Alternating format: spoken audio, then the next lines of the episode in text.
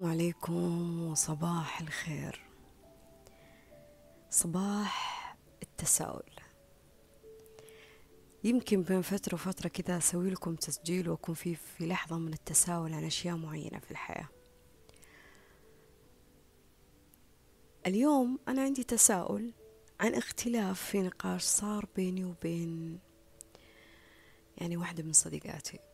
الاختلاف هذا شفت في صديقتي انها هي ما تقبلت وجهة نظري وأخذت الموضوع بشخصنة عالية لدرجة إني قلت لها يعني ليه افتكرتي إنه كلامي عن الحياة أو نظرتي عن الحياة هي ممكن تكون سب أو شتم لك انتي ما أخذتي كلامي عن الحياة إنه نظرة. هذه رأيي الشخصي هذه نظرتي هذه زاويتي من التفكير. ليه أخذتيها كأني أنا جالسة أشخصن الموضوع معك؟ ليه ما أخذتي كلامي عن الحياة؟ إنه مجرد رأي شخصي يخص فاطمة مو بالضرورة يكون صح. وأنا أختلف فيه معها ولا يد الكلام اللي هي تقوله. لكن ما أخذ الموضوع بشخصنة أنا أقصد بكلمة شخصنة يعني إنه أنت تزعل من الشخص وتتضايق تقول كأنه يسبك أنت أو كأنه يرمي عليك أنت كلام. وهو ممكن الشخص يتكلم بشكل عام يعني مو بالضرورة أنه يتكلم عنك أنت. هذا اللي صار معي أني أنا كنت أتكلم معاه في موضوع جدا عام ما قصدت فيها أي شخص أنا معها.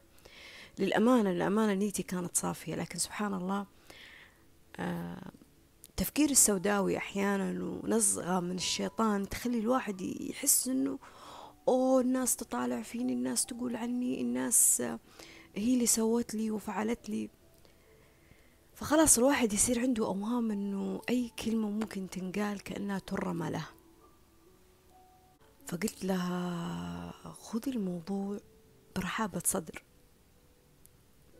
وتقبلي جميع الآراء المختلفة من حولك. يمكن أنا ما بتكلم لغة كتب لكن هذا الواقع. كون إني أنا أتناقش مع شخص ممن كان قريب أو غريب أو بعيد أحبه ما أحبه أنا أركز في الكلام نفسه المحتوى نفسه. أنا ما, ما يهمني الشخص نفسه. يعني ما أطلع من سياق الموضوع أقول والله شكلك لونك فيك أنت روح سوي في نفسك كذا أول حاجة وبعدين تعال تكلم معي.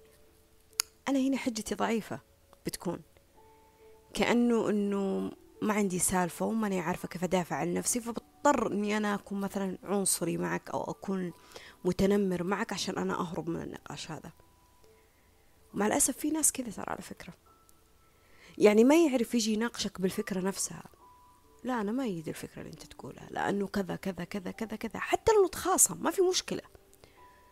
نتحارب في ذي الفكرة ما في مشكلة. لكن أهم شيء إنه يكون نقاشنا كله حروبنا كلها تكون في في يعني في محورها الأفكار نفسها. بعيد عن الشكل بعيد عن الأسلوب وعن نواقص الشخص وعن ظروف الشخص وعن حياة الشخص. انت اهلك انت مكانك انت قبيلتك. هي أنا وانت نتناقش في فكرة. إيش دخل؟ فأنا ما أدري. أنا أحس إنه الناس اللي تسوي معي كذا الأمانة البنت ما سوت معي كذا لكن أنا أتكلم بشكل عام يعني. أنا أحس إن الناس اللي تسوي كذا يعني في الغالب هو حجته ضعيفة. وفي الغالب أنت متفوق عليه في النقاش. فهو مو عارف كيف يطلع من هذا النقاش معك صراحة. وما هو عارف كيف يدافع عن نفسه ومو عارف كيف يخوض معك كلام. فيضطر إنه يهرب من هذا الكلام في رمي الكلام يعني. يعني مثلا مثلا أعطيكم على سبيل المثال الناس اللي على مواقع التواصل. يعني شوفوا نقدهم للمشهور. نقدهم للمشهور سواء كانت بنت أو رجل. النقد ما هو جاي على محتوى الشخص نفسه على فكرة الشخص نفسه على كلام الشخص نفسه. يعني بعض من الناس عشان ما نكون يعني لغة العامة من الناس لاحظ شوف تعليقاته شوف كلامه شوف محتواه شوف كلامه في, في, في تيك توك تويتر لما يبغى يتكلم عن مشهور معين إيش يتكلم فيه؟ يتكلم في الشكل يتكلم في, في, في الجنسية يتكلم في القبيلة يتكلم آه، في أشياء شخصية مرة يعني. يعني لدرجة أنه الشخص يروح يبحث يبحث يبحث يبحث يبحث يبحث عن ماضي هذا الشخص بس عشان يثبت للناس أنه هو سيء. فهنا يبغى يوصل فكرة. أنا ما نقدت من الهوى. أنا أبغى أثبت لكم قديش أنه هذا الشخص سيء. أبغى أثبت لكم أنه هذا الشخص الكلام اللي جالس يقوله ما له قيمة وما له معنى. خلينا نتفق أنا وأنت على حاجة. بصراحة. خلينا نتفق أنا وأنت على حاجة. بغض النظر عن محتوى المشهور الفلاني أو المشهورة الفلانية. عدد متابعين المشاهير لما توصل لخمسمية ألف مليون شخص اثنين مليون شخص يتابعوا لهذا الشخص هذا إن دلدل على إيش؟ إنه كل الاثنين مليون ولا الخمسمية ألف شخص اللي يتابع هذا الشخص كلهم سيئين. وكلهم ناس فاضية ومتفرغة ما عندها شيء في الحياة؟ وكلهم ناس يبغون بس من باب الفضول إشباع الفضول إنهم يتابعون حياة الشخص؟ لا. أنا أتوقع إنه القفت الهدايا اللي تيجي للمشاهير و... والدعم والأشياء اللي اللي اللي تصير لهم هي محبة في في جانب معين من الناس. ولا أنكر إنه في بعض من الناس فعليا فعليا هم يتابعونهم علشان بس من خلالهم يصنعون لأنفسهم محتوى. يعني أنا أتابعك عشان أدور عليك الزلة فبالتالي أبي أخذ كلامك وأقص أقص اللي من اللي أقدر وأمنتج في ذا الشيء ويلا. وأنا الحين صار لي محتوى وصار عندي متابعين. شوفوا النقد أرجع أقول لكم النقد على اتجاه الفكرة نفسها عادي طبيعي. لكن النقد النقد على شخصنة الموضوع مع الشخص نفسه؟ لا. يعني إني أنا أجي أتكلم عن الشخص من باب إني أنا الملاك المنزل وهذا الشخص هو الشيطان والخطيئة في الحياة؟ لا. لأنه مو عدل وإنصاف.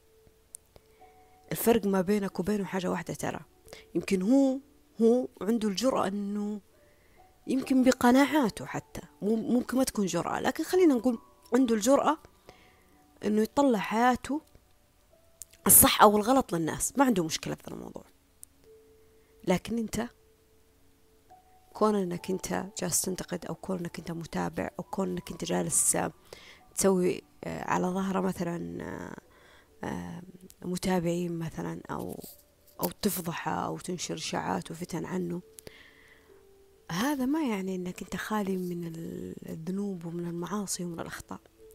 هذا يعني حاجة واحدة ترى بس إنه الناس اللي تتابعك أو الناس اللي جالسة تسمع لك أنت وهم تحت ستر رب العالمين بس بس بس.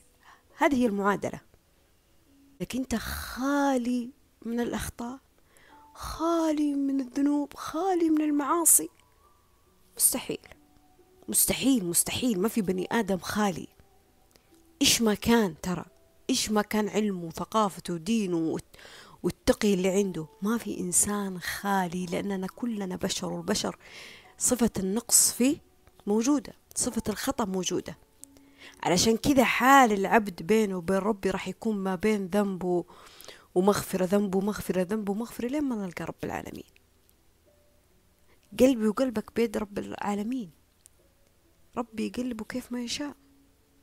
عشان كذا انت في آخر ركعة في صلاتك وش تقول؟ تقول اللهم يا مقلب القلوب ثبت قلبي على دينك. وعلشان كذا انت تقول ربي استرني فوق الأرض وتحت الأرض يوم العرض. ليه؟ لأن كلنا تحت ستر رب العالمين. كلنا تحت ستر رب العالمين. مقولة تقريبا تقريبا إذا ماني غلطانة اللي هي لعمر بن الخطاب. قال فيها لو طلع الناس على ما في قلوب بعض لو أنا وإنت شفنا إيش اللي في قلوبنا على بعض لا ما تصافحوا إلا بالسيوف. تخيل شوف عمق العبارة. وهذا ما هي دلالة على أنه الإنسان يحمل في قلبه ضغينة وكره وحقد للناس سواء كان ناس قريبة منه أو بعيدة. لا مو بالضرورة ترى. لكن الإنسان الإنسان في داخله نغزات من الشيطان. الإنسان في داخله نفس أمارة بالسوء الإنسان في داخله برمجات مغلوطة معتقدات مغلوطة. والله لو عشت أربعين سنة راح تظل في ذا الحياة. تفك اللي تفك منها وتنسف اللي تنسف منها وتغير اللي تقدر تغيره منها. فالإنسان الإنسان أحيانا يكون متناقض مع نفسه فما بالك تناقضه مع الناس. الإنسان ممكن يكون زي الطفل حتى وإن كان عمره كم. فجأة يحب الشيء ويسوي الجدل على هذا الشيء وفجأة يكره الشيء ويعيفه ولا كأنه هذا الشيء كان بالنسبة له هو النفس والحياة. الإنسان متقلب متغير مثل فصول السنة الإنسان في داخله شر وفي داخله ظلام. فيك جانب مظلم وفيك ظلام. وبالنسبة للناس اللي سمعت الجانب المظلم و... وكثير كتبوا لي إنهم هم جلسوا فترة طويلة عشان طلعوا من هذه آه، الليلة المظلمة وحاربوا أنفسهم فيها. أبي أقول لك يعني كلمة ترى الجانب المظلم فينا موجود. أنت تتعلم كيف تتعايش معاه أنت تتعلم كيف تروض الوحش اللي موجود فيك أنت تتعلم كيف تهذب النفس أنت تتعلم كيف تربي هذه النفس. لكن آه، إنك تلغي وجود الظلام تلغي وجود الشر في داخلك ما تقدر. من أنا في كلمة على لساني لما أتناقش مع أحد أو لما أزعل من أحد دائما أقول لهم أنا ماني قليله شر أنا ماني قليله شر لكن أنا يمكن أخترت اليوم إني أنا أسكت. يمكن أنا اليوم اخترت إني أنا ما مدي يدي. أنا يمكن اليوم اخترت إني أنا ما أتلفظ عليك مثلا.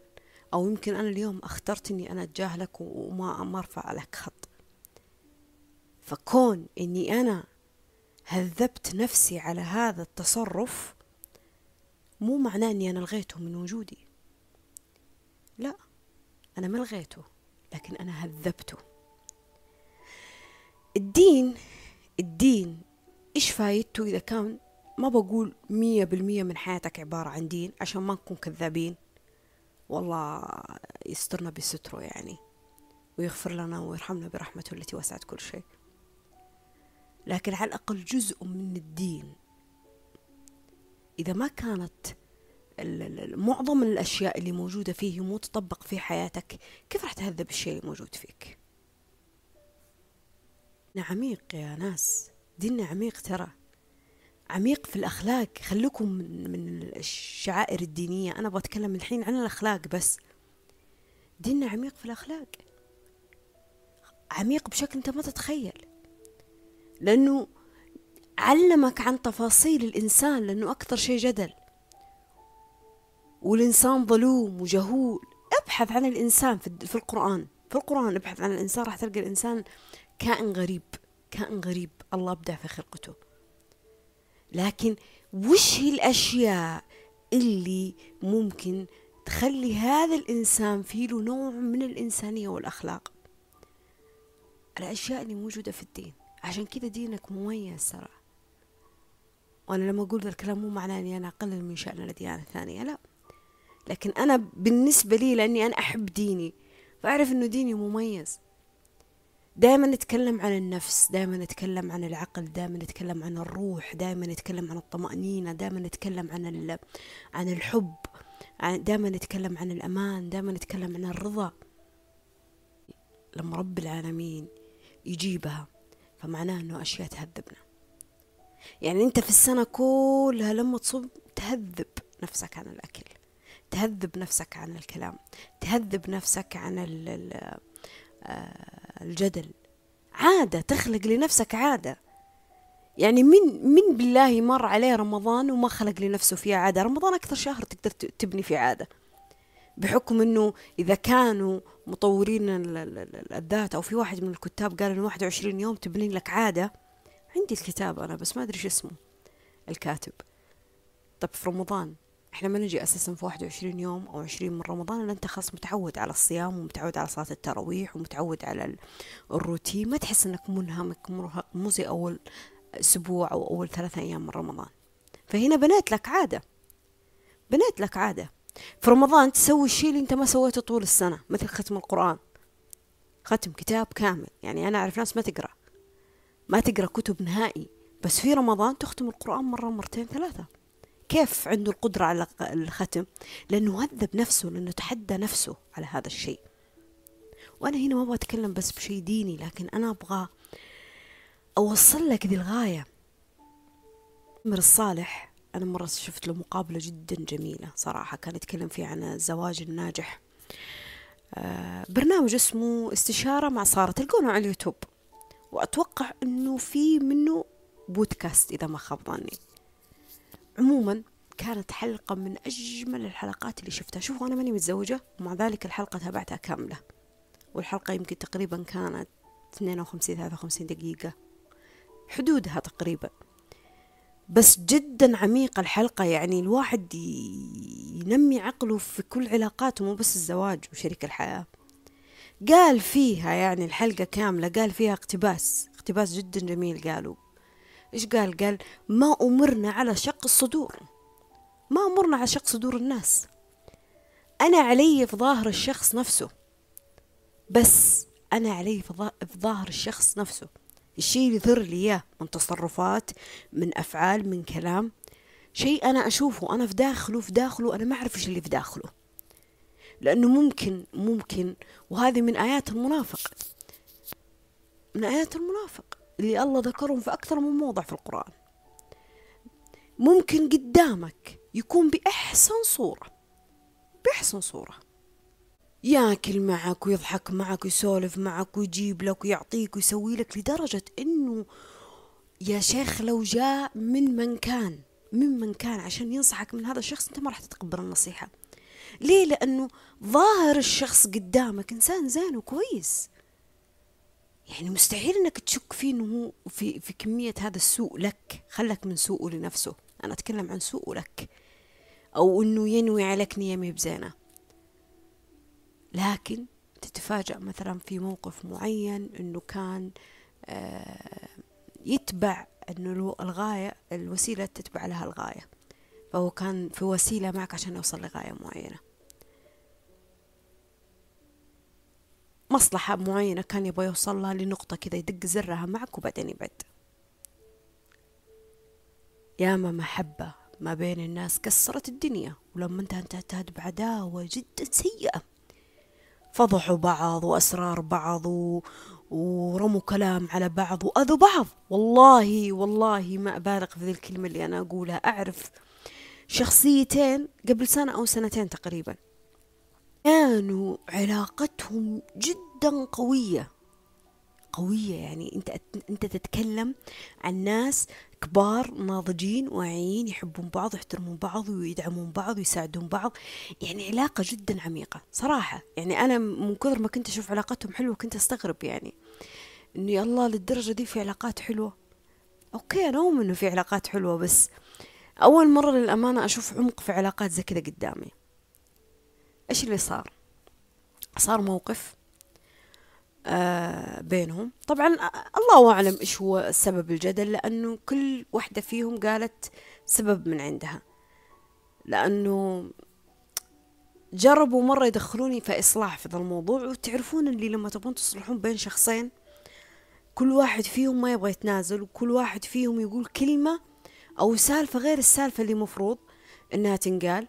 فكل واحد فيهم يحمل ضغينة على الثاني. صعب إنك تحل المواضيع معهم. فوقتها يعني أنا حاولت أكثر من مرة بعدين وصلت لمرحلة قلت لهم شوفوا أنتوا تحتاجون تهدون وتبعدون شوي وتنف...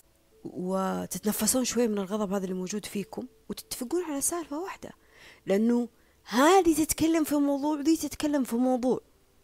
وبعدين لما تجين تقولي لها طيب يمكن هي تزعل منك عشان هي زعلانة منك عشان ذي السالفة وذيك تقولي لها طيب هي زعلانة منك عشان ذي السالفة وش تقول لك؟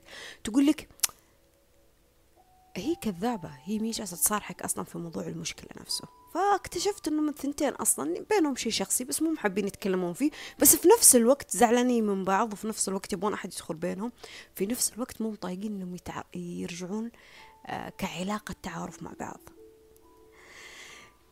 الموضوع مو في المشكلة لأنه أنا وأنت دائما نتخاصم. في علاقاتنا وهذا الطبيعي ترى العلاقات الطبيعية أن يكون فيها منغصات ومشاكل طبيعي ما في إنسان كامل. أصلا العلاقة لما يكون فيها مشاكل ومنغصات تعرف أنها علاقة آه، رمادية تعرف إنها علاقة لا مبالاة تعرف إنها علاقة آه، يعني ما فيها حياة. وأنا ما أقول هنا إنه نتخاصم نتمشكل يعني بمعنى نتضارب ومعلش على الكلمة نتف على بعض لا لا لا لا لا.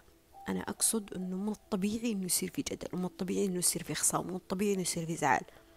من الطبيعي لأنه إنسان عن إنسان يفرق. أنا هم الأخوان والأخوات هم الأخوات في بيت واحد وتحت تربية أم وأب نفس الشخص في نفس البيت في نفس الأكل في نفس ومع ذلك يتخاصمون ويتناقرون. لأن الأفكار تختلف المشاعر تختلف طريقة تحدياتنا نظرة الحياة تختلف. فالطبيعي إنه يصير هذا النفور أحيانا. وهذا الجدل أحيانا وبعدين الناس ترجع تتصالح زي ما نقول ملح الحياة. لكن إيش اللي أنا لفت انتباهي في مشكلتهم؟ اللي لفت انتباهي حاجة واحدة من المشاكل اللي صارت بينهم. اللي لفت انتباهي إنه المشاكل اللي صارت ما بينهم وصلتهم لحال تخيل معي فضحوا أسرار بعض تعرضوا على بعض في الدوام. تخيل. تخيل يعني في مجال العمل لأنهم يشتغلون مع بعض في مجال العمل وصلت المشكلة من أنها تكون تحت إطار شخصي بيني وبين الشخص إلى مقر العمل. تخيل يعني أنا ممكن إني أنا أتضرر من عملي وقطع رزقي بسبة شخص معين كان هو أنتيمي يعني أقرب إنسان لي زي توم الروح فضح أسرار كشف أسرار ما في احترام. تكريه في الناس اللي حولك. يعني أنا أجي أقول والله ترى فلان سووا فيني وفعل فيني انتبهوا منه لا تفطرون معاه لا تتكلمون معاه لا تتواصلون معاه. نشر للبغضاء والرذيلة. فضح للأخطاء. يعني لما علاقة تكون قوية بهذا الشكل وبعدين توصل لهذه المرحلة إيش تتوقع؟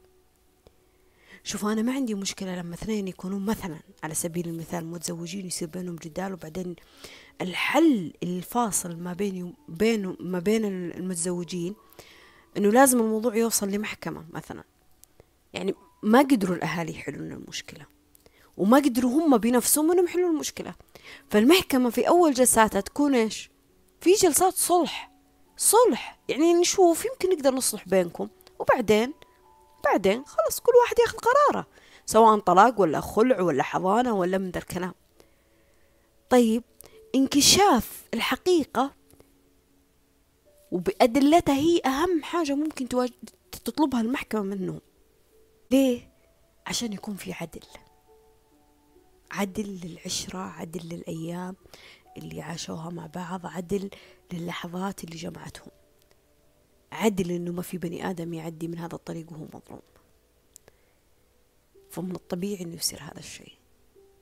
انكشاف الحقيقة في ذيك اللحظة مثلا على يد مثلا القاضي أو من ذا الكلام ما في مشكلة لأن الموضوع بيكون تحت دائرة نطاق ضيق. واحد اثنين ثلاثة أشخاص بس هم اللي راح يكونوا في ذا الموضوع لما يحاولون يصلحون. إذا ما انصلح الموضوع يحكم في, في, في, في القضية حقته وبعدين خلاص. وهنا الموضوع يجي بطريقة خلينا نقول مهذبة محترمة آه أي مشاكل. ما أدري إذا قد سمعتوا عن ذاك الشخص. في مرة واحد كان كاتب في تويتر أغرب حاجة مريت فيها في حياتي. أبوي وعمي عندهم مشكلة على أرض معينة في الديرة. وكانوا أنا وديهم للمحكمة. ما أدري عن صحة صراحة القصة أو كذبة بس مرة قريتها في تويتر. كنت أوديهم للمحكمة علشان الشيخ يحكم فيه آه، في الأرض هذه كيف ممكن يتقسم ورثها أو كيف ممكن أنها تكون لمين بالضبط. يعني في جدل على الأرض نفسها. يقول كنت أوديهم مع بعض وأرجعهم مع بعض في السيارة واحدة. سيارة واحدة. طلب حكم شخص أعلم منك أفهم منك ما في تقليل من قدرك. ومو بالضرورة معناه أنه هو بيظلمك. ومو معناه أنه, مع... أنه بشيء غلط. يعني أنا لما أقول أني أنا راح أخذ حقي مثلا قانونيا ليه زعلان طيب. طب أفضل من أني أخذه بطريقة سيئة. أفضل من أني أنا أتبع خطوات الشيطان بأني أنا لا قدر الله أقتل ولا أقذف ولا أشتم ولا أكشف سر ولا أأذي. أنا جالسة أخذه بطريقة قانونية ومهذبة. وفيها عدالة لي ولك بإذن الله يعني. فأرجع للكلمة اللي أنا بقولها لك. أنت أنت ما تقدر تعرف وش اللي في دواخل الناس. والله ما تقدر تعرف. مع الأسف مع الأسف مع الأسف. يعني أنا آسفة على اللفظ هذا اللي أنا بقوله لكن ياما ناس على فراش واحد ياكلوا مع بعض ويشربوا مع بعض ويناموا مع بعض ومعاشرين بعض. انت تفتكر انهم معاشرين بعض بالمعروف وبالخير وبالعشرة الكويسة؟ لكن لا كل واحد فيهم مجرد ما انه يكون عنده وقت انه يكون مع نفسه في داخله باني علاقات ثانية في داخله مشاعر لأشخاص ثانيين. فأنت ما تعرف إيش اللي في داخل الناس. أبدا ما راح تعرف. لكن الله وش قال لك قال لك ولا تقفوا ما ليس لك به علم. سيبك من الأشياء اللي أنا ما أعرفها. في الأشياء اللي في دواخلهم. سيبك من أنه أنا أسوء الظن. سيبك من ذا الأشياء. وأنا هنا لما أقول إساءة الظن ما أقصد إساءة الظن بمعنى أنك تظلم الشخص بأشياء معينة. أنا أقصد إساءة الظن اللي تخليك أنه تبني أفكار سوداوية عن شخص أنت أشياء حتى ما شفتها في أفعاله بس مجرد تخمينات ما بينك وبين نفسه. بينك وبين نفسك عن هذا الشخص. ف آه، الإنسان كان غريب والله. الله الكائن الحي هذا كان غريب صراحة. يعني لازم تكون واعي للأشياء اللي من حولك عشان تفهم الغايات اللي جالسة تصير منها. أنا ماني جالسة هنا أقول لك نشك في دواخل الناس ولا تعطي الناس الحب والاحترام والتقدير والأخلاق الكويسة لا. أنا هنا بقول لك إنه إنه أنت تحتاج إنك تكون متوازن في علاقاتك مع الناس عشان راحة المشاعر اللي من جواك.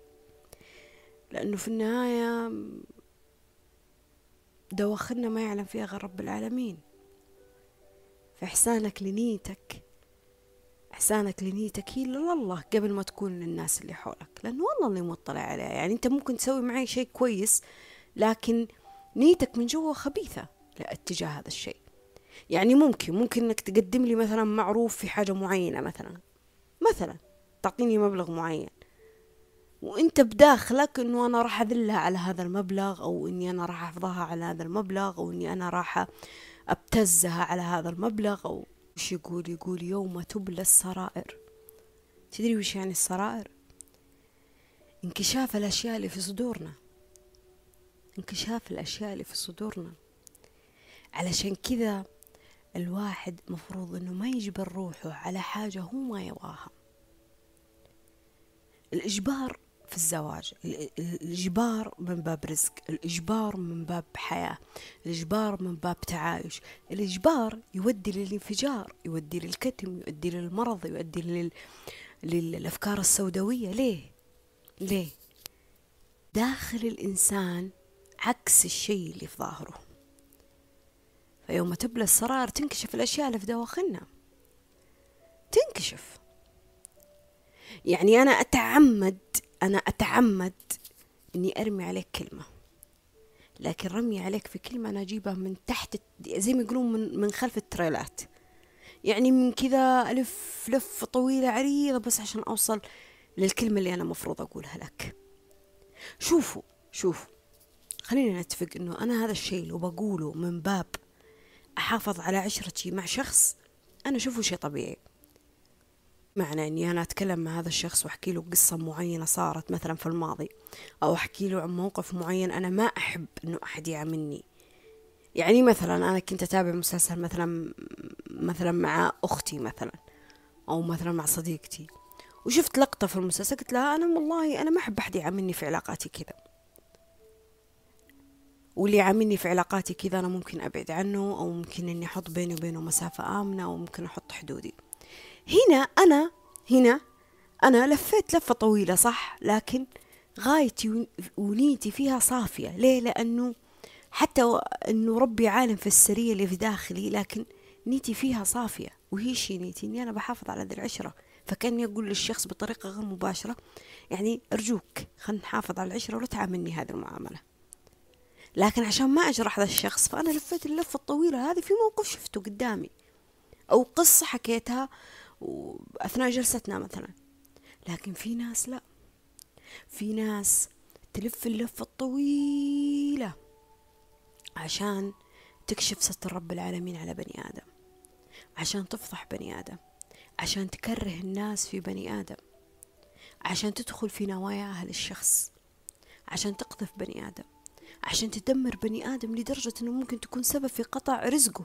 سبب في قطع النعم عنه. يعني مثلا أنه شخص كذا يطلعون عنه كلام فبالتالي لما يروح يدق كل باب الناس ما تبغى تتزوج منه.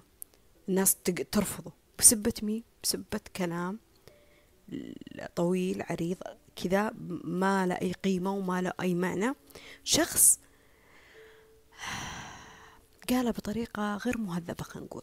أو شخص ظلم الشخص نفسه. حتى لو كان ما ظلمه لكن قرر قرر إنه يا معي تعيش بخيري وشر يا ما مع غيري والله ما تعيش لا بخير ولا بشر. انكشاف السرائر تكون بكل حاجة ترى بكل حاجة. والله أنا آه، أجلس أتباهى مثلا بسيارتي ولا بوظيفتي ولا بعلاقاتي الاجتماعية ولا بفلوسي قدام ناس معينة نيتي من جوا إيش إني أنا أقهرهم؟ نيتي من جوا أنا أنا أقلل من شأنهم. نيتي من جوا إني أنا أخليهم يحسدوني يغارون مني. أحسسهم مثلا بفشلهم أو أحسسهم بفقدهم من النعمة هذه أو أحسسهم أنه ما لهم حظ في الدنيا. النية من جوا خبيثة خبيثة. فسبحان الله يعني يوم تبلى السرائر الله يعلم بنية كل حاجة أنت جالس تسويها في حياتك أو أي حاجة أنت جالس تقولها. الله وحده عالم في هذا الشيء. وأنا أؤمن بعدالة الرب يعني أنا متأكدة من عدالة ربي ويمكن مواقف صارت في حياتي. إنه انكشاف السرائر ما يكون بس بيوم القيامة حتى في هذا الزمن. شخص لما يعايب شخص على حاجة ما يموت إلا هو سواها هذا هذا الكلام بطريقة غير مباشرة. إنه إلا ما تصير مواقف تكشف ما في الصدور. تكشف ما في الصدور لكن مو مسؤوليتي إني أنا أكشف ما في الصدور. أنا دائما أقول يا رب اكشف بصيرتي على الناس اللي حولي. لا تعمي بصيرتي على الناس اللي حولي. ولما تنعم البصائر الواحد يدمر نفسه. يعني ممكن يضيع نفسه في في في في مخدرات في طريق غلط في علاقات غلط في قرارات غلط في ضياع للجسد في ضياع لأشياء كبيرة. بسبة إيش؟ إنه بصيرتي معمية عن الشخص اللي قدامي. يعني أنا ما أشوف إلا إنه هو إنسان كويس لكن أنا ما أدري إيش اللي في داخله. في نفس الوقت تصرفاته تخليني ما أحس كذا قلبي قلبي من جوا ما ما ينغزني. ما يقول لي إنه هذا الشخص ممكن نيته كويسة انتبهي لا لا تعطي له ذا المجال لا. خلاص واحد يكون اندفاعي لما يضيع أشياء كثيرة في حياته بسبة هذا الشخص. هذا الموضوع يعني خليني أتكلم كم كلمة كذا وأقفل هذه السالفة.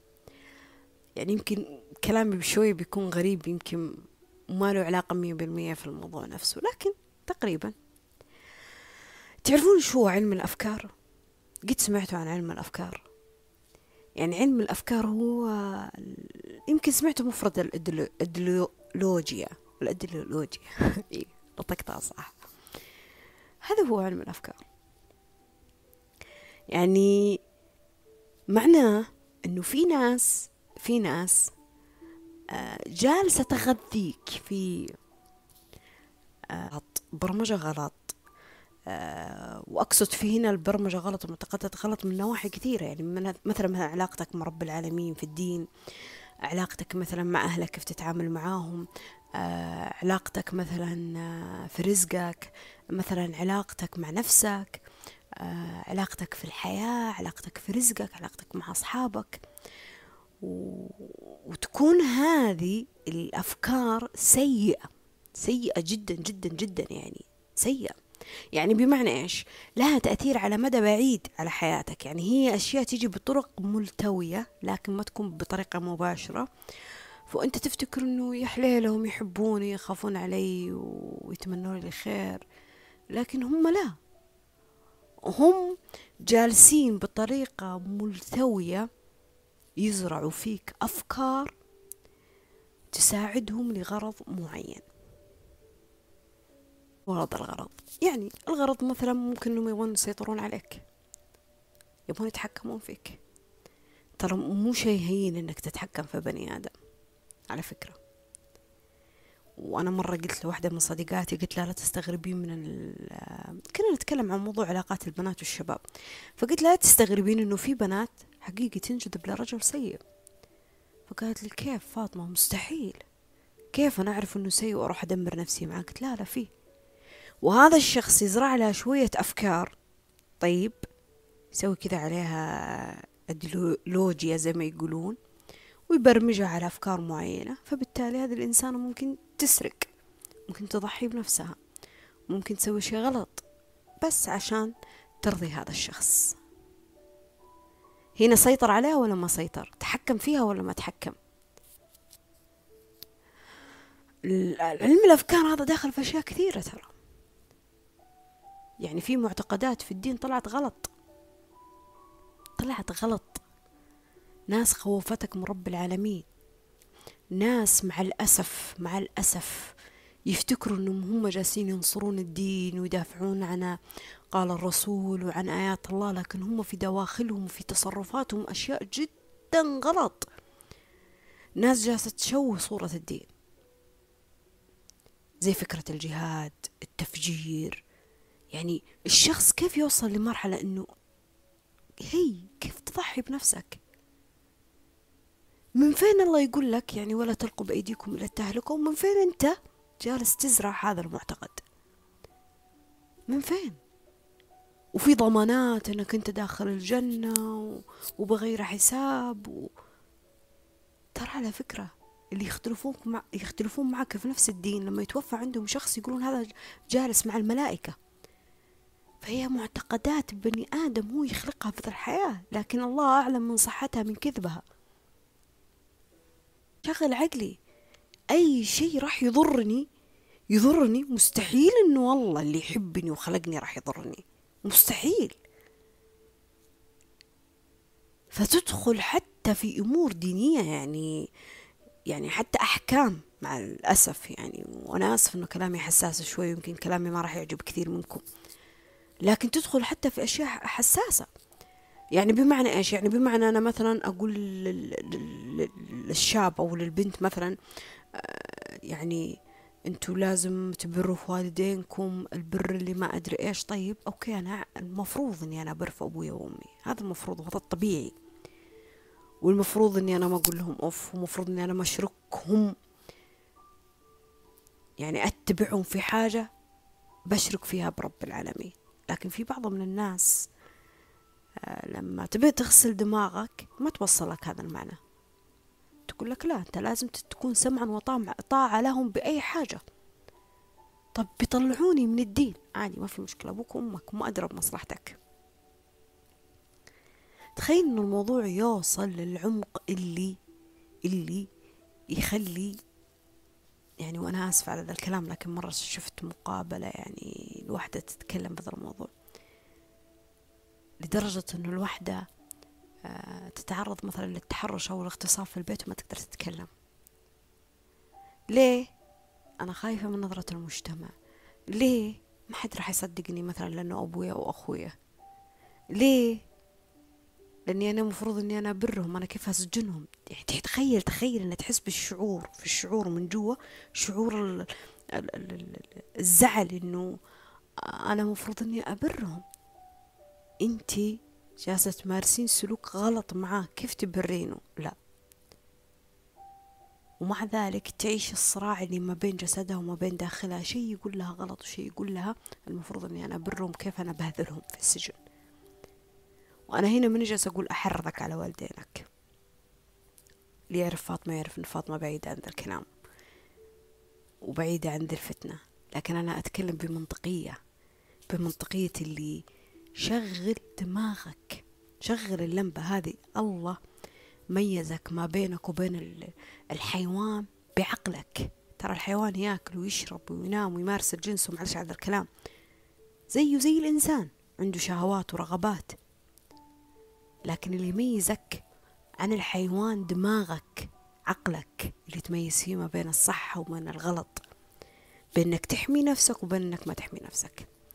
في مقطع يعني في جملة قالت قالتها ممثلة أو ممثل في مسلسل وأنا آسفة على ذا الكلمة يعني يمكن كلمة المفروض الواحد ما يقولها لكن هي نوعا ما تعتبر شوية كويسة. يعني حتى الغلط هو غلط الواحد لازم لما يسويه يكون مقتنع عشان يكيفه. وهذا هو أن الإنسان يكون مدرك لتصرفاته حتى الغلط. حتى الغلط. يعني أنا مدركة أني أنا مثلا آه والله مثلا نمت مثلا أنا نمت وراحت علي مثلا الصلوات. أنا مدرك لذا الشيء لكن استيعابي لذا الشيء يخليني الأيام الجاية أحافظ على الصلاة. إني أنا أصحى أقوم أصلي صلواتي. فأنا مدرك للغلط لكن صلحته. مدرك للغلط ولكن صلحته. الإنسان يكون واعي لتصرفاته وقراراته في اختياراته في الحياة حتى لو يتعثر حتى لو يغلط حتى لو يتعلم حتى لو يخسر حتى لو يجرب. لكن ما يسمح إنه دماغه مية بالمية يكون مسلم للناس. شوفوا أنا أؤمن أؤمن إن الإنسان ما عنده حرية كافية. يمكن تكون عندك حرية كافية واحدة بس لو شليت عفشك ورحت عشت في بر ولا رحت عشت مثلا في غابة. مو معك لا مواقع تواصل ولا معك آه، أحد يحكمك. مكان لحالك. إيه ممكن تكون تعيش بحرية هناك. لأنك أنت بتصحى على كيفك وتنام على كيفك وبتاكل اللي تبغى تاكله وبتلبس اللي تبغى تلبسه وبتمارس اللي تبغى تمارسه. ولا أحد يقول لك هذا صح وهذا غلط وأنت راح تتعاقب على هذا التصرف ومفروض ما تسوي هذا التصرف. لكن إذا تبغى تعيش وسط جموع من الناس سواء كانوا ديرة يعني قليلين الناس ولا في مدينة ولا عاصمة وناس كثيرة وتيجي تقول والله يا فاطمة أنا معلي في الناس وأنا أهم شيء نفسي لا. ما تقدر. أنت مجبر مجبر. حتى وإن أخذت الحرية في حقوقك وواجباتك كإنسان مجبر أنك تحترم قوانين المكان اللي أنت عايش فيه. في لائحة عندنا هنا في السعودية اسمها لائحة الذوق العام. لائحة الذوق العام. أنا أشوف كثير من الأجانب لما يجون من بلاد أجنبية هنا عندنا هنا هنا والله كثير أشوفهم يحترمون قوانين المكان نفسه. وأنا أقصد في كلمة أجنبي يعني ما هو مشترك معي بنفس الجنسية. ليه؟ لأنه يعرف أنه أنا دخلت ذا المكان أنا لازم أحترم نفس المكان هذا.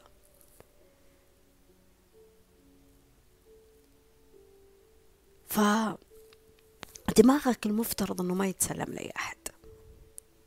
هذا هو مفترض. أنا جبتها لك من باب الدين من باب الأهل.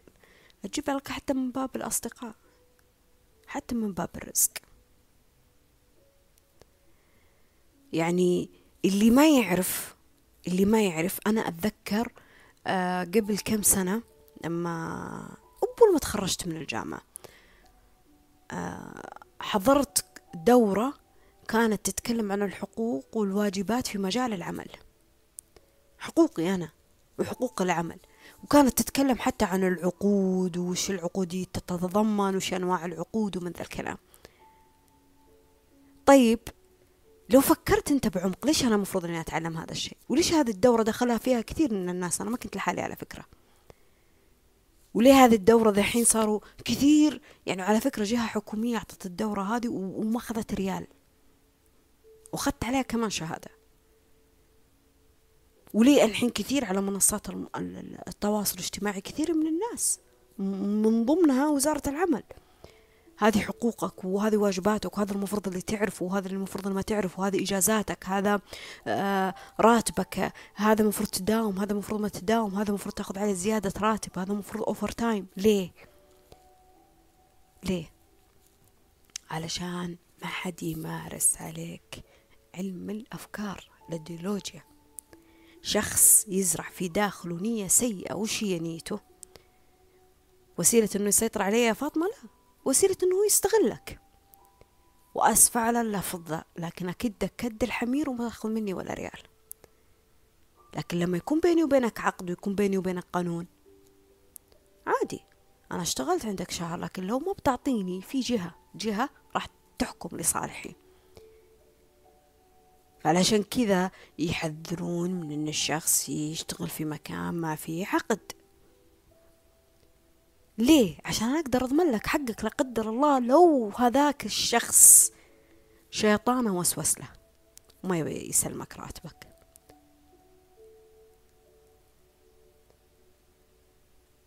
فالأشياء هذه تدخل في مجالات كثيرة ترى على فكرة. كثيرة. كمان تبغاني أجيبها لك حتى في صداقة المصلحة؟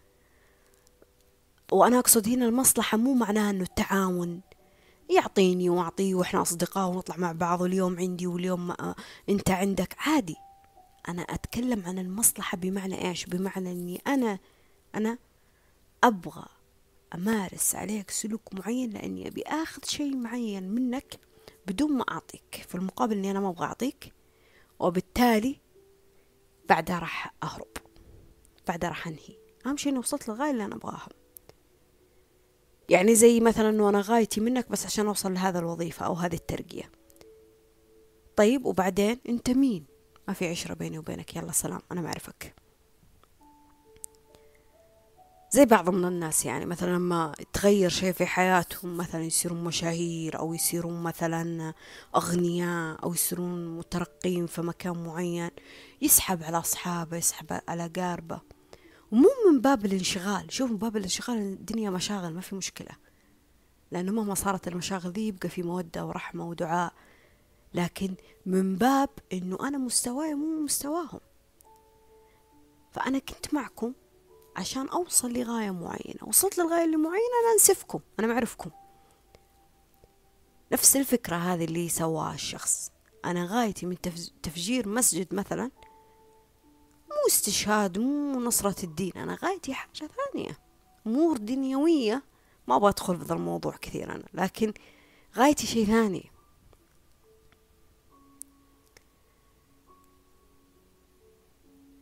في الإيديولوجيا ترى مصيبة مصيبة يعني. لما تحس إنه أفكارك وتصرفاتك وكلامك عبارة عن أشياء أنت تمارسها أنت ملقن فيها. مالك فيها لا حول ولا قوة. عقلك ما تشغله. تقول أوه لحظة يمكن هذا صح يمكن هذا غلط. أنا قبل قبل يومين كنت أتصف أتصفح تويتر آه تيك توك. شفت آه شفت شخص جالس يفحط كذا وحاط مقطع يعني كذا تفحيط وكذا يعني. انتي إيش عشان تتكلمين يعني هذا الكلام؟ يعني أنا قلت الواحد لما يكون تعبان على حاجة مستحيل يسوي فيها كذا.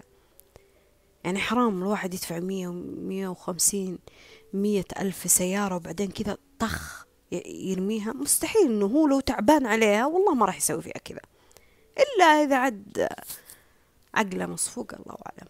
وأنا آسفة على ذا الكلمة يعني المفروض إن أنا أحترم رغبات الناس لكن خلنا نتكلم بمنطقية زي ما نقول. نتكلم عن نناقش الفكرة نفسها بحد ذاتها. وأنا أقصد في كلمة عقلة مصفوق يعني بمعنى عقله مغيب عن الشيء نفسه.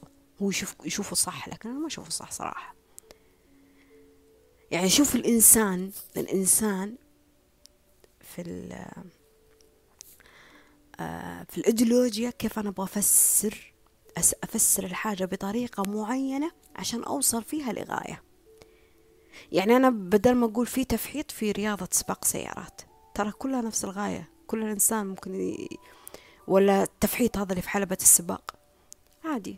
هذه رياضة. هذه رياضة. ما عليك. هذه رياضة. هذيك يمارسها في الشارع ممكن تضر الناس. أو حتى لو يمارسها إن شاء الله في البر المفروض ما يمارسها. المفروض أنه يكون في رياضة. فتصنف الحاجة هذه للرياضة تعال شوف مثلا إيش يقول لك؟ يقول لك والله عورة الرجل مثلا من السرة إلى الركبة مثلا. بس في رياضة كمال الأجسام عادي ما في مشكلة يلبس اللي هو عادي ما في مشكلة. No بروبلم زي ما يقولون. فما أبغى أتعمق في الموضوع مرة كثير عشان ما أزعل كثير من الناس مني. لكن لكن آه انتبهوا للغايات التي تفسر يعني. الله حبيت التي تفسر. صدق يعني انتبهوا للغايات التي تتفسر. يعني يعني كيف يا فاطمة؟ يعني اللهم صل على محمد.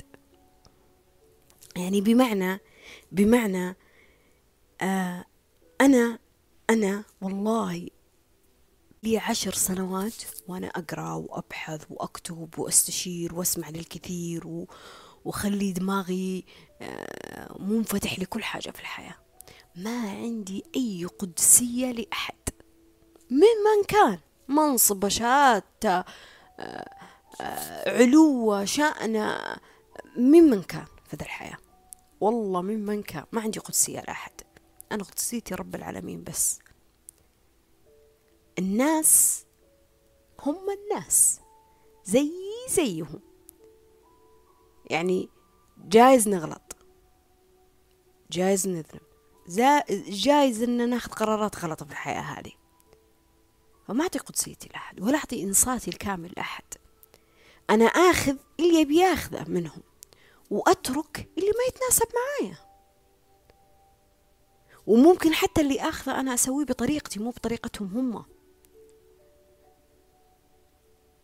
وحتى لو سويته بطريقتهم المهم إني أنا أخذ الشيء اللي بيفيدني أنا. بغض النظر عن توجهات وأفكار الشخص نفسه. يختلف عني بالقبيلة بالجنسية بالميول بالمنطقة باللهجة باللغة باللكنة باللي هو. أنا أخذ الشيء بس اللي بيفيدني. شركة ممتازة ممتازة مثلا. في في صنع مثلا آه إيش نجيب مثال؟ تصميم البيوت مثلا. وبأقل تكلفة وبطريقة مميزة وعنده و... وعندهم أمانة في الشغل. وعندهم يعني شغلهم نظيف. وأدفع لهم مبلغ ويجوني يصمموا لي مثلا بيت. أنا إيش علي في أفكارهم؟ إيش علي في ميولهم؟ إيش علي بجنسيتهم؟ إيش علي بحياتهم الشخصية؟ أنا علي في الشيء اللي بيسوونه لي. وش هو؟ البيت. اللي أنا دافعة حق حقه. إذا أنا أخذت الشيء اللي يناسبني وتركت الشيء اللي ما يناسبني. فلا تعطي إنصاتك الكامل لكل الناس ممن كان. أنا أحترم كل البشر لكن من الطبيعي إني أنا أختلف مع البشر. يجيك شخص يقول لك هي هذا أكبر منك أعلم منك أفهم منك مو بالضرورة ترى مو بالضرورة. وأنا هنا ماني جالسة أقلل من, من العمر الشخص الكبير. بالعكس الاحترام واجب ما بين الناس سواء كبير ولا صغير لكن مو بالضرورة. الرجال قوامون على النساء. تكليف مو تشريف. يعني حتى الآيات تفسر بالطريقة الثانية. طيب هذا الشخص مثلا رجل دين أو هذا الشخص حافظ لكتاب الله.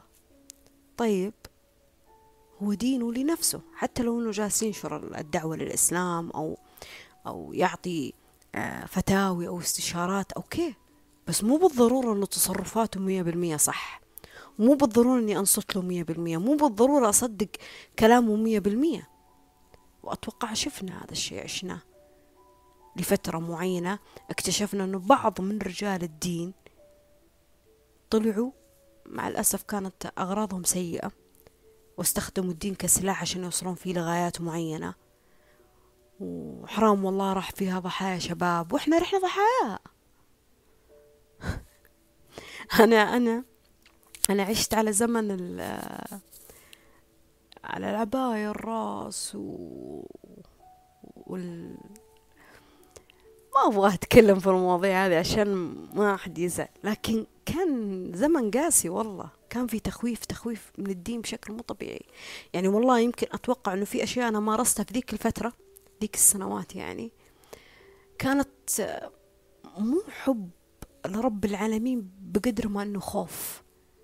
خلاص أنا بدخل النار وأنا راح يعاقبني وأنا يعني ما كان في رحمة وغفران وجبر ما كنت أشوف هذا الشيء.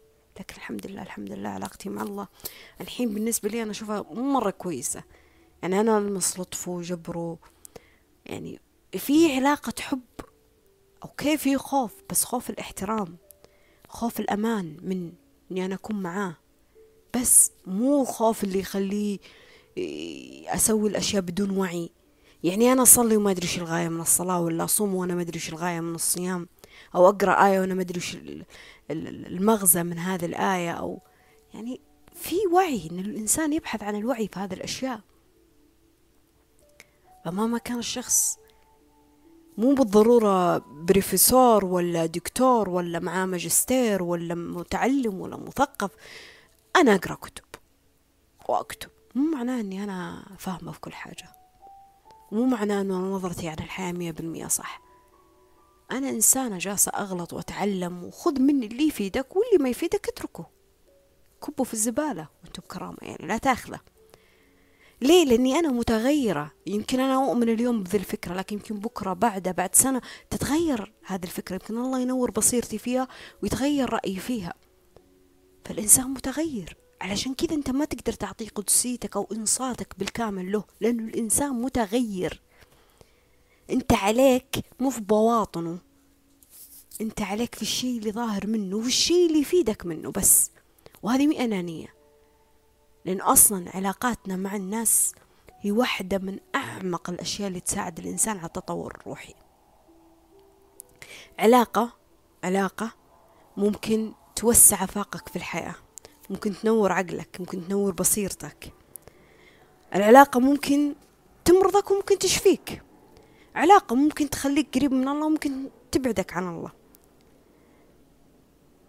يعني سبحان الله سبحان الله كأن كأن العلاقاتنا مع الناس هي خلاصة للحياة بالكامل. يعني هي كأنها آه، محاولة من الحياة لك أو فرصة لك من الحياة عشان تصلح ذاتك من خلال العلاقات. يعني ممكن تتعلم الحب العطاء ممكن تتعلم الصح ممكن تتعلم الغلط ممكن تتعلم أشياء في الحياة هذه سببها تعلمك منها إيش؟ علاقة. علاقة. ياما صدمات صدمات خلتنا ناس منجزين في حياتنا خلتنا نختار قرارات صح نورت بصيرتنا. صح ولا لا؟ وياما أشياء خير سويناها في علاقة أثمرت فينا لدرجة ورتنا الحياة بصورة جدا جميلة. فعشان كذا نقول لك ما نقدر نفصل حياتنا عن الناس مية بالمية. ما نقدر. وكذاب اللي هذا يقول ذا الكلام. ما يقدر. يعني شخص أنا أشوفه دائما في التيك توك يطلع لي يعني من ضمن الناس لما أجلس أتصفح. آه أنا في عزلة وأنا في غرفتي وأنا مع قطتي وأنا مع قهوتي وأنا لا أطلع ولا أخرج ولا أشوف الناس و... ومتابعينه فوق الخمسين ألف. وأنا في عزلة. ما أنت في عزلة؟ ما أنت في عزلة. أنت على مواقع التواصل الاجتماعي. كيف في عزلة؟ أنت حولك خمسين ألف من غير الناس اللي أنت تتابعهم. من فين العزلة في الموضوع؟ العزلة العزلة أنك تبعد بعد كامل عن الناس. ما في أي connect أي اتصال ما بينك وبينهم لا على مواقع التواصل ولا على أرض الواقع. هذه عزلة. هذه عزلة. لكن شخص يكلم فلان وعلتان على السناب وعلى التيك توك وينزل صور ويحط ويردد على تعليقات الناس يقول أنا في عزلة. لا أنت ما أنت في عزلة. أنت ما أنت في عزلة. أنت قررت بس أنه أنا ما أحب أحتك في كثير من الناس. أنا أفضل علاقات إلكترونية مثلا. وعلاقات إلكترونية أنا يكون في بيني وبينهم حدود. حلو ما في مشكلة. لكن عزلة مية بالمية لا. عزلة أنا أحيانا أمارسها صراحة. إيش هي العزلة؟ أبعد جوالاتي عني. أقفل علي باب الغرفة حتى أهلي ما أشوفهم. أقعد مثلا ساعة عشرين دقيقة خمسة وأربعين دقيقة مع نفسي. انفصال كامل. لا أسمع صوت أحد ولا أحد يسمع صوتي ولا أتكلم مع أحد ولا أشوف تعليق أحد ولا شعار أحد. هذه العزلة. فإحنا طول منا عايشين في ذا الحياة إحنا لابد أنه يكون في بيننا وبين الناس تواصل. ولابد أنه يكون بيننا وبين الناس علاقات. فهي صايرة صايرة. خلها تصير بطريقة آه، تناسبنا أفضل ما تصير طريقة غصبا عنا. يعني بدل ما تصير طول الوقت مسير خلك في بعض الأوقات مخير. على الأقل يعني. على الأقل. اللي أبي أقوله يعني أحكام الدين معرفتك في علاقة ربي آه، الأشياء اللي تمارسها تكفر الناس وتدخلهم جنة ونار. حتى مع نفسك يعني أنت تسوي تصرف من باب أنه هذا حكم في الدين هو يطلع أساسا أي حديث ضعيف أو يطلع أصلا الدين ما قاله. يعني ابحثوا ابحثوا عن المعتقدات اللي تؤمنون فيها من عن الدين. ابحثوا. لا تسمحون بس لأشخاص معينة هي اللي توصل لكم الدين بنظرتها. ما خاب من استشار الرسول عليه الصلاة والسلام يعني وهو كان ينزل عليه الوحي ومع ذلك استشير. يعني ما فيها مشكلة إنك أنت تستشير أهل الدين أهل الذكر ما في مشكلة بالعكس. حلو ان الواحد يتبادل المعرفة والخبرات من الناس لكن اسأل الناس الصح مو تسأل الشخص اللي يدخلك النار ويكفرك واللي يحرم عليك السؤال وأنت جالس تبغى تلحد وأنت مفروض ما تسأل وأنت مفروض تطبق بس. بالعكس اسمع الشخص اللي اللي اللي عنده وسطية في الدين عنده اتزان في الدين. اللي فعلا يبغاك تمارس عباداتك مع الله وأحكام الدين بطريقة هينة لينة سهلة. مو شخص يبغاك تمارسها من باب آه إنك تكون ريبورت آلة. واحد اثنين ثلاثة واحد اثنين ثلاثة بس بدون أي وعي بدون أي فهم بدون أي إدراك لتصرفاتك. فأنا ماني جالسة أقلل من شأن أحد بالعكس أنا أنا في ناس من رجال الدين أنا جالسة أسألهم وأستشيرهم في أشياء معينة في حياتي. وأنا إنسانة مليانة أخطاء ومليانة ذنوب. لكن أعرف لمين أنصت؟ أعرف لمين أسمع؟ أعرف لمين أخذ المعلومة؟ في ناس لما تسألهم يقول لك ليش تسأل؟ أنت المفروض ما تسأل هذا السؤال. في شخص لما تقعد تتجادل معاه في حاجة على طول يقول لك أنت كافر. أنت غلط. طيب أنا إنسان عندي تساؤل. إبراهيم أفتكر الله الشمس وأفتكر الله القمر وأف... يعني طبيعي إن الإنسان يعني يتساءل. وبعدين قال له ربي يعني أرني كيف تحيي الموتى. وقال له ربي يعني ليه؟ قال له عشان يطمئن قلبي يعني إنسان. أنت إنسان. فمن الطبيعي إنه التساؤلات هذه تجي في دماغك. لا تكون مسير لدرجة إنه تحس إنه السؤال غلط. وترى على فكرة في كثير من الناس ما تسأل ما تسأل لأنها دخلت في عالم الأيديولوجيا هذا. فتحس إنه أنا زي ما يقولون الموت بين الجماعة رحمة. يعني أنا ما أبغى أسأل كثير ما أبغى أتعمق كثير ما بركز كثير في الحياة. خليني يلا خلاص أنا قالوا لي هو حرام خلاص حرام. هو قالوا لي صح هو صح. هو قالوا لي اختياري كذا تمام تمام. خلاص. ما, ما عنده الشخص فرصة إنه يبحث يسأل يتساءل. فما حد عنده ترى الحقيقة المطلقة في الحياة وما حد عنده اليقين المطلق. عشان كذا الأجيال تختلف والأفكار تختلف وسلوكيات البشر تختلف والمعتقدات عند الناس تختلف. شوف قبل سنين كان أبرز اهتمام عند الناس إيش؟ شوف الحين إحنا في عصر التكنولوجيا شوف العصور اللي بعدنا الله أعلم كيف بتكون. فبس والله. فشغل دماغك شغل دماغك. أعطي نفسك فرصة أنك أنت تفكر. لا تخلي أفكارك مغلقة حياتك مغلقة. حتى لو بعض من الناس وأنا أدري أنه في بعض من الناس راح يزعلون منك لكن شوفوا في ناس في ناس مفروض أنك ما تتناقش معهم يعني مثلا زي كبار في السن أهلك يعني اللي اللي ما عندهم وسيلة اللي أنا آخذ وأعطي معك أنا آخذ وأعطي معك في النقاش.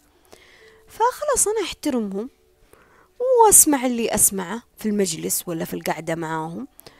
وخلاص وأطلع.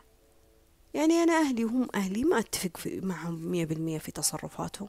ولا هم يتفقون معي ترى على فكرة بتصرفاتي مية بالمية. بس مع ذلك نضحك مع بعض ونسولف مع بعض نتناقش مع بعض وبعدين كل واحد يروح لشؤون حياته. عادي. ما في مشكلة يعني. في النهاية الإنسان يتعلم في النهاية الإنسان ينضج في النهاية الإنسان يكتسب خبرات في ذا الحياة. في النهاية الإنسان يعني لك ما تتخيل إنه لو يبغى يوصل لغاية معينة يغير بس الكلمة المعنى عنها. خلاص يوصل لغايته. فأنت خليك كذا منفتح لكل شيء حولك لا تكون أفكارك مغلقة. في في في زمن معين آه، الناس رسمت فكرة معينة والله أعلم إيش كانت غايتهم يعني أكيد لو كان لهم غاية. أنه المال لا يصنع السعادة المال لا يصنع السعادة المال ما له قيمة ومفرض ما تكون غني. وأنت كل ما كنت فقير كنت أكثر زهد مع رب العالمين. كيف كذا؟ والله قال المال والبنون زينة الحياة الدنيا. حتى الآية هذه تفسرت بطريقة غلط ستمية ألف مرة ترى. بعدين جانا لحظة من الوعي ولحظة من الإدراك. عرفنا قيمة المال عرفنا قيمة الرزق. بالعكس أنا لما يكون عندي مال أنا راح أقدر أساعد نفسي. أنا راح أقدر أكفي حاجتي وأكفي حاجة أهلي وأكفي حاجة القربون وأكفي حاجة الناس اللي معي في وطني واللي غريبة عني. هذا إحنا قاعدين اليوم اليوم على اتساع العالم. أنت قاعد تفتح تطبيق إحسان هذا حق تبرعات. وتقدر تقدم صدقة بريال ما بقول عشرة ريال بريال بس آه، للصومال ولا نيجيريا ولا تكفل يتيم شوف اتساع العالم. المال يصنع أشياء كثيرة يبني مساجد يعمر بيوت يعمر في الأرض. لكن تفسير الناس كان له غلط. فصار الواحد عنده خوف من المال وكثرة المال. يعني أفكار مغلقة زي المساواة زي الصحة. فأنا أشغلك بحاجة معينة عشان ما تهتم بالشيء اللي مهم. يعني أنا مثلا أعطيك معتقدات عن المال غلط عشان أنا أوصل للمال وأنت ألهيك ألهيك في أشياء ثانية اللي اللي هي أشياء الله الله أعلم إيش هي في حياتك. لكن أهم شيء لا تفكر في الشيء اللي أنا أبغاك تفكر فيه. في شخص في شخص كتب في تويتر الكلام يعني والله أنا ماني ذاكرة كلامه نصا وحتى ماني عارفة شو اسمه يعني. أنا أتذكر ذاك اليوم قرأت تعليقه يعني والله ابتسمت كذا. يعني قال قال يعني بمعنى كلامه بما أنه جاء قرار عن ال ال ال الاقتصاد والصناعة ومن ذا الكلام يعني راح يطور في أشياء كثيرة في البلد. وش قال؟ قال هذا الشيء اللي المفروض يصير من زمان. يعني قال هذا المفروض الشيء اللي يصير من زمان. بس مع الأسف كنا مشغولين في الأغاني حلال ولا حرام وفي حجاب المرأة والقطرة تفطر في رمضان ولا ما تفطر. وتركنا أهم الأشياء اللي ممكن تساعد الإنسان بأخلاقه وبنضجه ووعيه في الحياة. يمكن تسمع كلامي وتقول لي فاطمة أنا أختلف معك أنا أمور الدين مهمة. لا مهمة. بس في أشياء خلاص خلاص الجدل والكلام فيها. يعني سيبوا الناس تعيش بالطريقة اللي تشوفها صح. طالما إنها تحت مظلة دولة تحكمها وسياسة تحكمها. طول ما إنها ما راح تخالف أوامر آه، حكامها وما راح تأذي دولتها. طالما إنك أنت تمشي بطريقة صح بالعكس أنا أستفيد منك لأنك بتبنيني الأرض بتعمرني هذا المكان. فالناس اللي شغالتك في أشياء ثانية هي الناس اللي ما كانت تبيك توصل لأشياء حلوة في حياتك وسبحان الله يعني هذه طبيعة بعض من الناس. الإنسان عدو ما يجهل. شوفوا جوالات الكاميرا لما جت. نزلت في صحف صحف صحف انها تمنع هذا الشيء. وشوفوا اليوم التكنولوجيا لأي مرحلة وصلت. فعلشان كذا لا تقول والله إحنا صدقناه الشخص الفلاني وبعدين آه راح هو سوى الشيء هذا اللي إحنا قال لنا لا نسويه أو منعنا عنه. لا انت شغل دماغك. شغل دماغك. مو كل شيء يتصدق ومو كل شيء يتكذب. يعني أحيانا حلو إن الواحد يكون في منطقة رمادية يكون في الوسط. تخيل معي لو لو الجوال ما طلع تخيل معي لو النت ما طلع تخيل معي لو ما لو ما قرر ذاك الشخص إنه يخترع طيارة أو سيارة. تخيل معي لو ما اختار الشخص ذاك إنه يخترع جهاز مثلا يساعد على التنفس ولا ضغط الدم ولا إبر السكر ولا تخيل معي لو ما ساعد الشخص على إنه يخترع لابتوب وجهاز وشاشة و... لو لو الناس هذه أنصتت إنصات كامل للناس اللي عارضتها واستهانت بأفكارها لأي مدى إحنا كان ممكن نوصل؟ لأي مدى الإنسان ممكن يوقف عنه؟ فعادي توقع. توقع. أقول لك دخلت في التاريخ و... و... وسوي إنجاز عظيم في الحياة. لا والله. يكفي إنك تكفي الناس خيرك شرك هذا إنجاز. الإنجاز إنك تحس بالراحة في ذي الحياة. ولما تحس بالراحة في ذي الحياة وتبحث عن الراحة أو تبحث عن أحلامك أو تبحث عن رغباتك أو تهذب نفسك سبحان الله أنت أحيانا تأثر بدون ما ما تتكلم وأنت ما أنت حاس. تأثر بدون ما أنت حاس. يعني أحيانا ما تحتاج إنك تنصح. أنت من كثر ما أنت الناس تركز فيك وفي تصرفاتك الناس تسوي زيك وأنت ما أنت حاس. لكن أنا أقصد من باب كل شيء في ذا الحياة. أن الواحد يتوقع كل شيء من البشرية. في النهاية في النهاية في عدالة ربانية. ومن يعمل مثقال ذرة خيرا يرى ومن يعمل مثقال ذرة شرا يرى اللي نيتي شر إلا ما ينكشف وإلا ما يطيح في شر أعماله. اليوم بكرة بعد سنة بعد عشرين سنة إلا ما يطيح في شر أعماله. أنا أعمل بالع... أؤمن بالعدالة الربانية. واللي نيته خير. والله لو حتى ثلاثة أرباع البشرية ما اتفقوا على تصرفه إلا ما يجي يوم ربي ينصره لدرجة أنه كل اللي كانوا ضده هم اللي يدافعون عنه. فالناس توقع منها أي حاجة. ولا تقول والله هو قال لي كذا سوى عكس ذا الشيء يعني هذا مثلا متناقض ولا منافق. مو بالضرورة. هو عبر عن رأيه وفق منهج أو حاجة كذا موجودة في عقله اللاواعي أو الباطن يحس إنها صح. لكن خبرات الحياة وعي نضج صدمة الله أعلم إيش صار معه خلاه يغير فكرته عن ذا الشيء. فغير مثلا ممارسته أو غير مثلا تصرفاته أو كلامه. يعني معناه أنه منافق؟ لا معناته أنه نضج. تعلم. تعلم.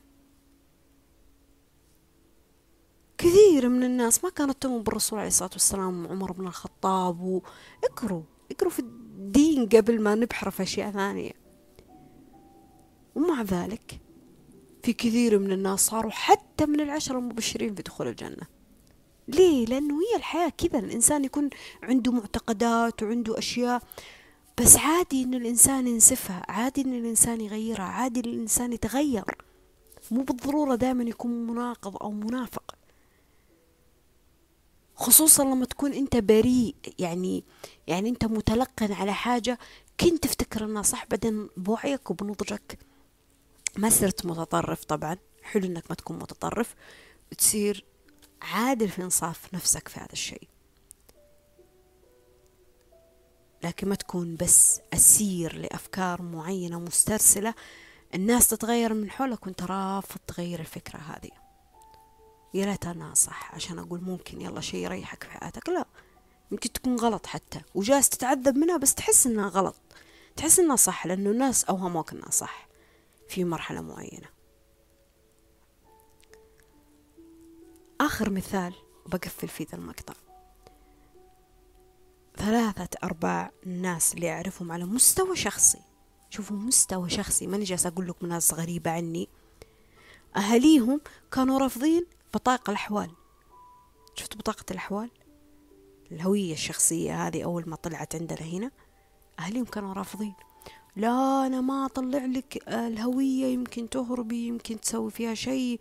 يعني تخيل تخيل لمستوى التفكير لوين؟ ما أطلع لك الهوية الوطنية. ويوم جاب موضوع القيادة لا لا لا لا. أنا ما مستحيل إحنا ما عندنا بنات يسوقون. والله والله الله يتمم عليهم فرحتهم. لكن والله أعرفهم على مستوى شخصي. اليوم اليوم يسوقون أفضل أنواع السيارات. وعادي كل واحدة فيهم تشغل سيارتها وتروح شغلها وتخلص أمورها وتساعد أهلها. يعني لدرجة إنه حتى الأب الأب اللي كان رافض الموضوع يدق عليه يقول اسمعي آه، أنا بعيد عن مدرسة أختك مري خذيها فصارت حتى تعين أهلها مو بس تعين نفسها. فعادي يعني لما تشوف أشياء آه، قرارات كبيرة وتحس إنها بتغير معتقدات عظيمة عندك شوف طبيعي إنك تحس بالرعشة هذه بالهزة هذه طبيعي. تحس بالخوف هذا شوية طبيعي لأن الإنسان منتمي للشيء اللي تعود عليه. فأنت تحس بالانتماء للأشياء اللي تعودت عليها حتى لو كانت غلط. حتى لو كان نفسك إنها تتغير. يعني أنا كنت زمان كنت أقول يا الله متى راح يصير عندنا السينما نفسي أجرب شعور السينما آه لين دول عندهم وإحنا ما عندنا إلين ما صار في عندنا سينما. ورحت في يوم من الأيام مع صديقاتي حسيت شعورها جدا عادي يعني. أوكي. ما أدري. يعني حسيته مرة عادي. ما أدري حسيته أريحيني أنا أتابع في البيت أكثر من إني أنا أكون في مكان كذا فيه صخب وناس. الناس تختلف أذواقها عموما يعني جربت الشعور هذا. في ناس غلط ومفروض ما يصير ذا الشيء. طب الناس جالسة أصلا كذا ولا كذا تتابع أفلام؟ يعني هي جالسة تتابع مسلسلات في بيتها أكيد جالسين يتابعون حتى أفلام. فخلي عقلك منفتح للأشياء اللي تصير من حولك. أنا ما جالسة أغلطك ولا أدخلك جنة ولا نار ولا أقول لك صح ولا أقول لك اتبعني ولا اتبع غيري. لا أنا جالسة أقول لك خلي عقلك منفتح للأشياء من حولك. كل شيء قابل إنه يكون صح أو غلط. كل شيء قابل إنه يتغير. وعادي إن الأشياء في بدايتها ترعبنا وتخوفنا. لأننا إحنا ننتمي للأشياء اللي تعودنا عليها. حتى اللي تعودنا عليه نكون غلط. يعني أنا شعور إني أنا رحت لين السينما كنت خايفة ومترددة والله. يعني كنت أقول كيف بعيش ذا التجربة وكيف بطلع وبروح وبجلس بذاك المكان وبقعد ساعة أتابع فيلم. بس بعدين عادي. شعور جربته. لا بأس فيه يعني. تجربة أجربها ما أجربها بعدين عادي اسمني أنا جربت وأنا هنا ما أقول لك جرب كل شيء لكن على الأقل خلي عقلك منفتح لكل حاجة. يعني خلك في الوسط. في أشياء الواحد ممكن يتقبلها في أشياء الواحد ممكن ما يتقبلها لكن الواحد يكون مو متطرف. يعني أنا بس أفكاري وبس الأشياء اللي أنتمي فيها وكل الناس غلط وش اختراعك الفاشل وش فكرتك الغلط وش كلامك الغلط. يا أخي اللي عنده فكر غير فكرك أعطيه فرصة يتكلم. أعطيه فرصة يتكلم. يمكن. ميبي أنت ما تستفيد منه لكن ممكن غيرك يستفيد منه. عادي. ما في مشكلة. مو بالضرورة مو بالضرورة إنه كلامه كلامه معناه إنه راح يهدم البشرية.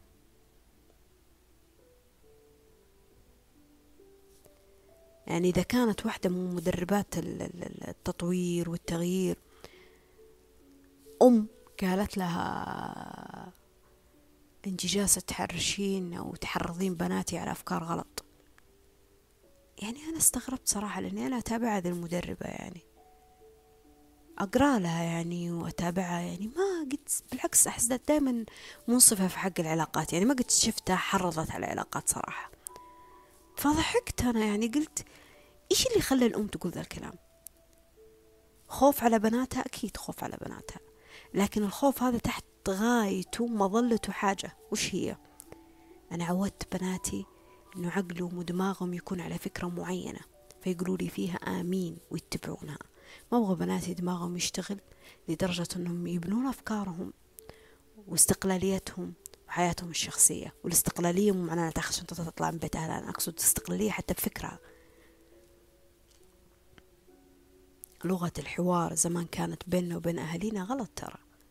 الحين الأهالي صار عندهم فرصة. أنا أمي أجلس معاها أتناقش معاها. أحب إني أنا أتناقش ما أحب نظرتها على الحياة. حتى لو أحيانا في أشياء ما أتفق معاه مرة بس عادي. فحلو إنه الواحد يتناقش مع أصحابه مع أصدقائه مع الغرباء. ما يكون متطرف يعني عادي. يعني أنا صراحة كنت متطرفة في موضوع الأبراج والفلك والخريطة الفلكية كنت أقول كف كفر وغلط و... بس بعدين وصلت لمرحلة قلت هو علم وكثير من الناس تؤمن فيه وكثير من الناس تحبه وفي كثير من الناس ما تؤمن فيه بس تحب إنها تدخل في الوهم حقه. خلاص. صح غلط. طابق أشياء معينة في الحياة ما طابق أشياء معينة في الحياة ما في مشكلة. الواحد فضول ويخليه يسوي أشياء كثيرة في الحياة. فأنا ما أكون متطرفة لأنك لما تكون متطرف فجأة تحس كل الحسابات بس تتكلم عن ذا الشيء. فجأة تحس إنه أهلك وحوالينك كلهم أصدقائك بس يتكلمون عن ذا الموضوع. لكن لما تكون متوازن عادي هي فكرة. هي مجموعة من الناس تتكلم فيها مو بالضرورة أنا أيدها أو مو بالضرورة إني أنا أرفضها. ترى عادي يعني شعور الوسطية عادي تعدد الألوان عادي مو لازم إن أنا لون أبيض وأسود بس. اختياراتنا في الحياة عادي بالذوق بالأكل بالتفكير بالمشاعر عادي. عادي. زي ما قال ثامر الصالح أنت ما أنت مكلف على شق الصدور. أنت ما تدري إيش اللي في باطن داخل الناس. أنت عليك في الشيء اللي ظاهر بس منهم. اللي بيفيدني أهلا وسهلا باخذه واللي ما بيفيدني لست عليهم بمسيطر وإنما عليك البلاغ. أنا بلغت بفكرتي بلغت باختراعي بلغت بنصيحتي بلغت بفائدة قدمتها. آمنوا فيها أهلا وسهلا اتبعوها أهلا وسهلا صدقوها أهلا وسهلا ما اقتنعوا فيها عادي. عارضوني عادي. أحيانا ترى المعارضة من خوف تكون. يعني أحيانا ترى في دواخلهم يعرفون إنك صح بس يعارضونك من باب خوف. ما يبغون يغيرون الانتماء اللي تعودوا عليه طوال عمرهم مثلا. ما في مشكلة. ما حد يصدقك ما حد يتابعك ما حد يدعمك عادي. يكفي إنه نيتك اتجاه الشيء ذا صح. استمر في الشيء بغض النظر عن النتيجة المختلفة. إيش راح يصلك فيها بعدين؟ وأنا متأكدة إنه دائما الأشياء توصلنا لأماكن ثانية. إذا في يوم من الأيام أنا كنت مضايقة ضايقة فيني الوسيعة. قسما بيت الله كانت ضايقة فيني الوسيعة. وفتحت اللابتوب في سنة من السنوات. فتحت اللابتوب فجأة وكنت كنت لما ضايق أحيانا أسمع أغاني. أدخل كذا أشوف لي فيلم ولا مسلسل أحاول كذا ألهي نفسي. فتحت اليوتيوب كذا شوي لأسمع مقطع كنت أبحث كذا مقطع لإبراهيم الفقيه الله يرحمه ويغفر له. كان يتكلم فيه عن الحياة كان يتكلم فيه عن الفرح والحزن. الموضوع شدني لدرجة إني قضيت نص اليوم ذاك وأنا أسمع مقاطعه وأحضر محاضراته اللي موجودة على اليوتيوب. شدني لدرجة إني قرأت كتب. شدني لدرجة إني سمعت لناس غيره بحثت تعمقت. اليوم بعد كم سنة؟ شوفوا كم العمر وكم السنوات اللي عدت. اليوم هذا أنا أكتب وأقرأ وأسجل مقاطع. ما أدري الزمن فين يوديني. لكن مشيت في شيء أنا حبيته وأنصت له. فشوفوا كيف وين وداني. برغم أخطائي برغم, برغم نقصي وعدم كمالي لكن على الأقل جالسة أسوي شيء أنا أحبه. فأنت لا تستهين في الشيء اللي عندك. لا تستهين فيه مهما كان. وسلام